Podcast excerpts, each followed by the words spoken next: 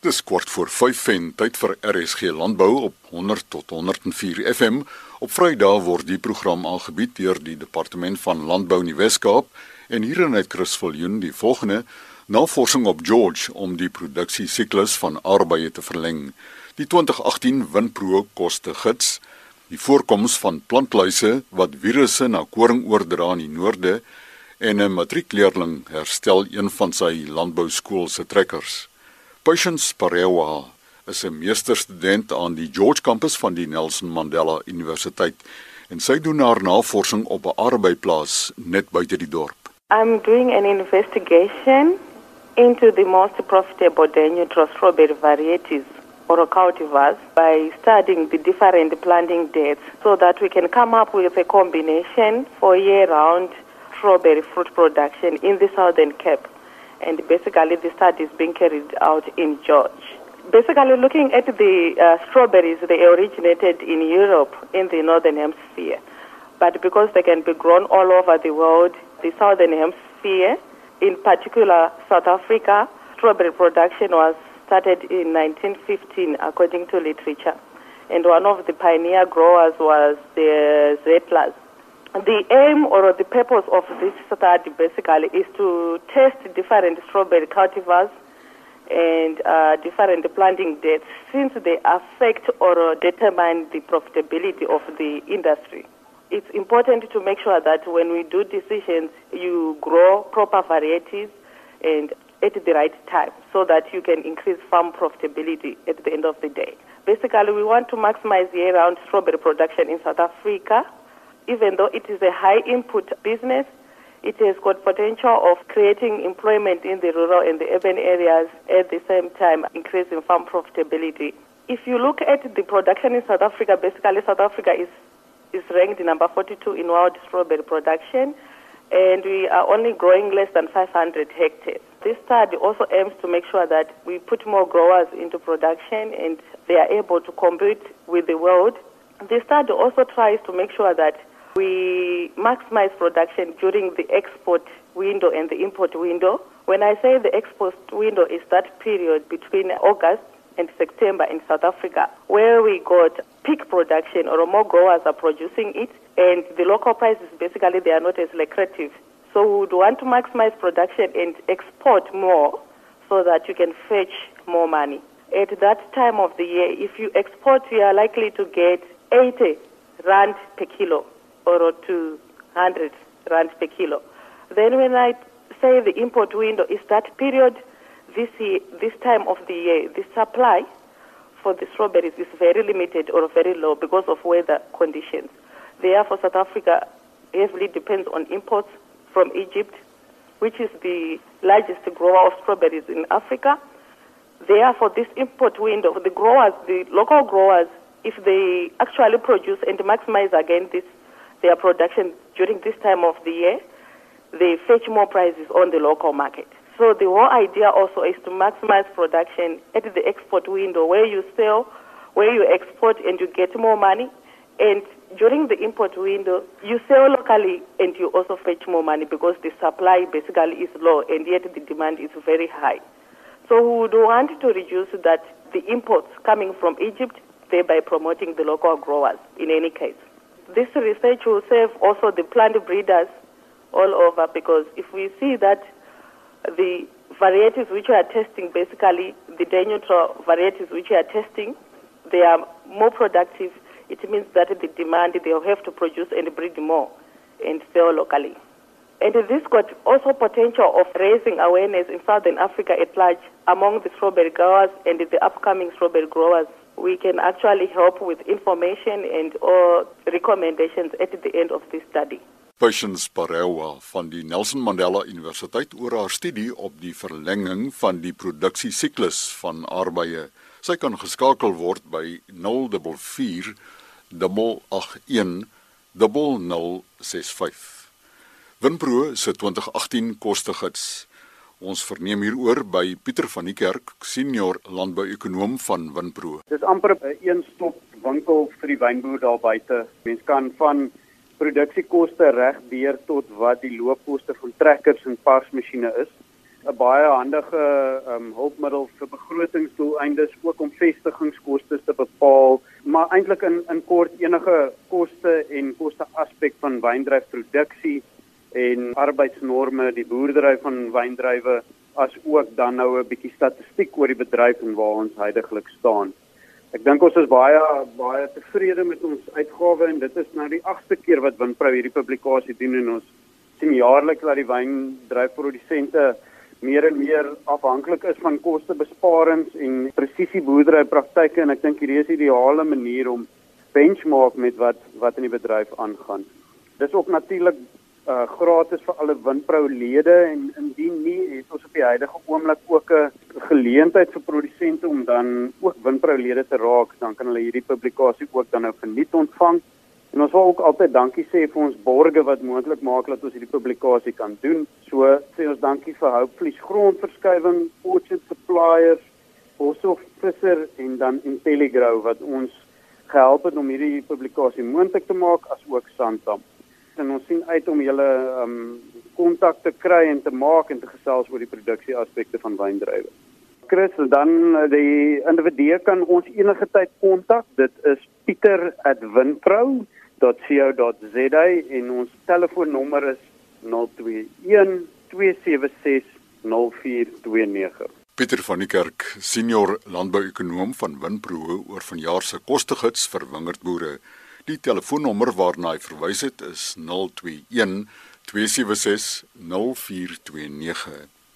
Oor die oordrag van virusse deur plantluise hoor ons nou van Dr. Gody Prinsloo vanaf LNR Kleingraan op Bethlehem. Nou, ons is 5 jaar besig met die insameling van luisvlugdata deur gebruik te maak van 12 meter hoë syfervalle in verskillende dele van die land. Die rede hiervoor is om meer inligting te verkry oor die migrasie van plantluise wat gasgeel dwergvirus na koring oordra. Ons het tans volle op by Brits, Groblersdal, Winterton en Kookhuis. Die volmonsters word op weeklikse basis ontleed en die luisgetalle van die vernaamste virusvektore vir gasgeel dwergvirus word dan weekliks indien moontlik op die LNR kleingraanse webtuiste geplaas. Toegang tot hierdie webtuiste kan verkry word deur die LNR se webtuiste by www.arc.agric.za te besoek. 'n Kleingraanse bladsy kan verkry word deur die Crop Sciences bladsy oop te maak en as jy op 'n kleingraanse webtuiste klik, uh, lys volgetalle vir 2018. As ons dan na die huidige grafieke uh, kyk, soos hulle op hierdie oomblik is, uh, eh, Groblersdal en Brits baie hoog op hierdie stadium in lysgetalle. Die totale uh, potensiële vektore vir Groblersdal veral staan op hierdie stadium op 573. Dit was nou aan die einde van Mei gewees wat 5 keer meer is as wat dit verlede jaar hierdie selfde tyd was en die koringprodusente moet dus uh, werklik daarna kyk om 'n bespuiting te doen. Die lysgroepe wat hierdie getal opmaak uh, as ons daarna kyk is dit veral die die Cetobion groep of die die groep waarin die breinaarluise voorkom en dan ook perskeluis en dan die eifesgroep. Die eifesgroep is luise wat op onkruide en grasse voorkom en ook oorbeweeg na koring toe. So hulle kan virus oordra van grasse na uh, koring toe. By Brits staan die totale vektore ook op 117 wat ook redelik hoog is en die produsente kan ook hier die lysgetalle dophou en en oorweeg om te bespuit. Hierdie plantlyse migreer vanaf gebiede waar hulle moontlik van virusbesmette grasse af beweeg het om nuwe grashere te soek. Indien die virus nou na plante oorgedra word, kan dit aan die einde van die seisoen 'n oesopbrengingsverlies van tot 30% veroorsaak. Wanneer die virus na vlagblaasstadium eers oorgedra word, is dit baie kleiner, is die effek baie kleiner en dis ongeveer 2% oes verlies wat wat dan uh, sal plaasvind. Algesien die luise wat die virus die beste oordra in vogtige klimaatomstandighede baie goed floreer, kom hulle veral onder besproeiingsomstandighede voor ook elke jaar en kan hulle hier ook die meeste skade aanrig. Die reënval wat in herfs uh, van hierdie jaar plaasgevind het, het ook 'n ideale klimaat geskep vir grasse om te oorleef en ook dan om vir die luise om te oorleef op hierdie grasse.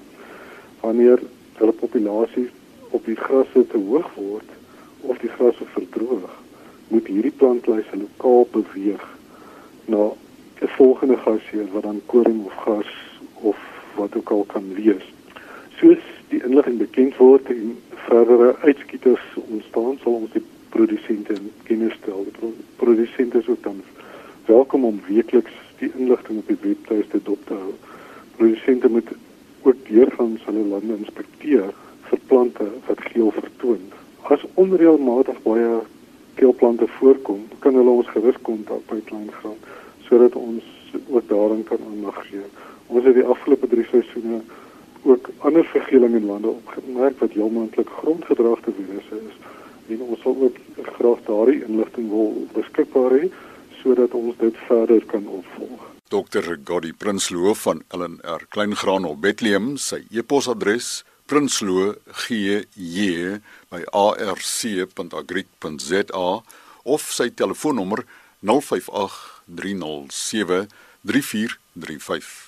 Matriekleerling aan die Augsburg Landbou Gimnasium op Klein Willem was bereid om daardie ekstra tree vir sy skool te gee. Skoolhoof Jacques Kotse vertel van Willem Boonsaier se prestasie. Ons het 3 vakke by Augsburg Landbou Gimnasium wat landbou verwant is, is landbouwetenskap, landbou bestuurspraktyk en landbou tegnologie. Nou een van ons matrikulante Willem Boonsaier het besluit om 'n projek aan te pak by die skool onder landboutegnologie. Een van die modules by landboutegnologie is mekanisasie en uh, hy het besluit om een van die skool se ou trekkers oor te doen. Hy het so 'n spannetjie gehad wat van tyd tot tyd hom 'n bietjie hand gegee het.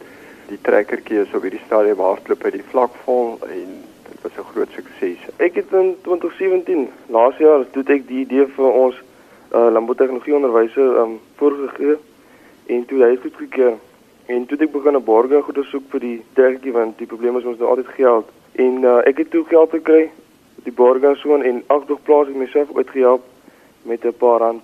En ons het die uh, die projek aangepak met 13000 rand en uh, die hele projek het ons toe 'n totaal van so 10000 rand gekos. So ons het redelik in ons begroting gebly ek het 'n kwotasie gekry van as ons dit nou sou doen by 'n geakkrediteerde werkswinkel dan sou hulle vir ons baie meer gevra het van 25000 rand kwotasie wat ons sou gegee het en uh, ons het net 13000 rand gebruik vir die projek so ons het goed gedoen daarso.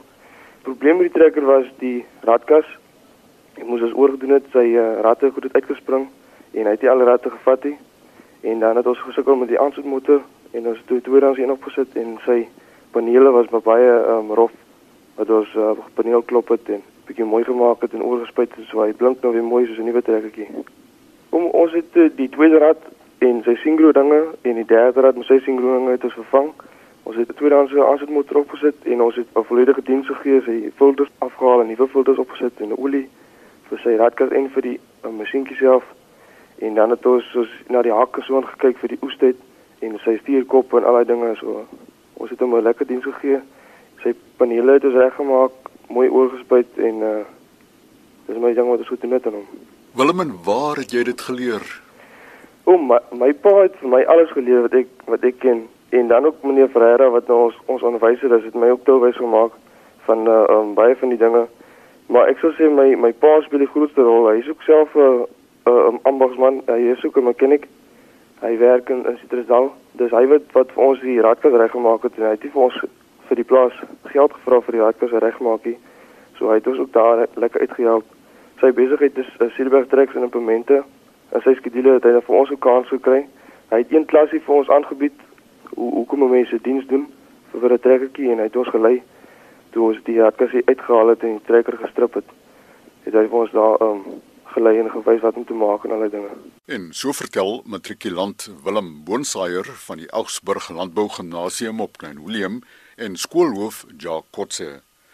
In môreoggend se RSG Landbou om kort voor 12 die komende konferensie van die Landbou-ekonomie Vereniging van Suid-Afrika. In wese is dit 'n ideale plek waar 'n werkgewers en en diensnemers landbouekonome in aksie kan sien en hulle kan werf. Nou wil ek net die professor te bel. Hier's 'n goeie geleentheid om te sien hoe die hele spektrum van landbouekonome presteer en opereer en dan ook die netwerke te bou.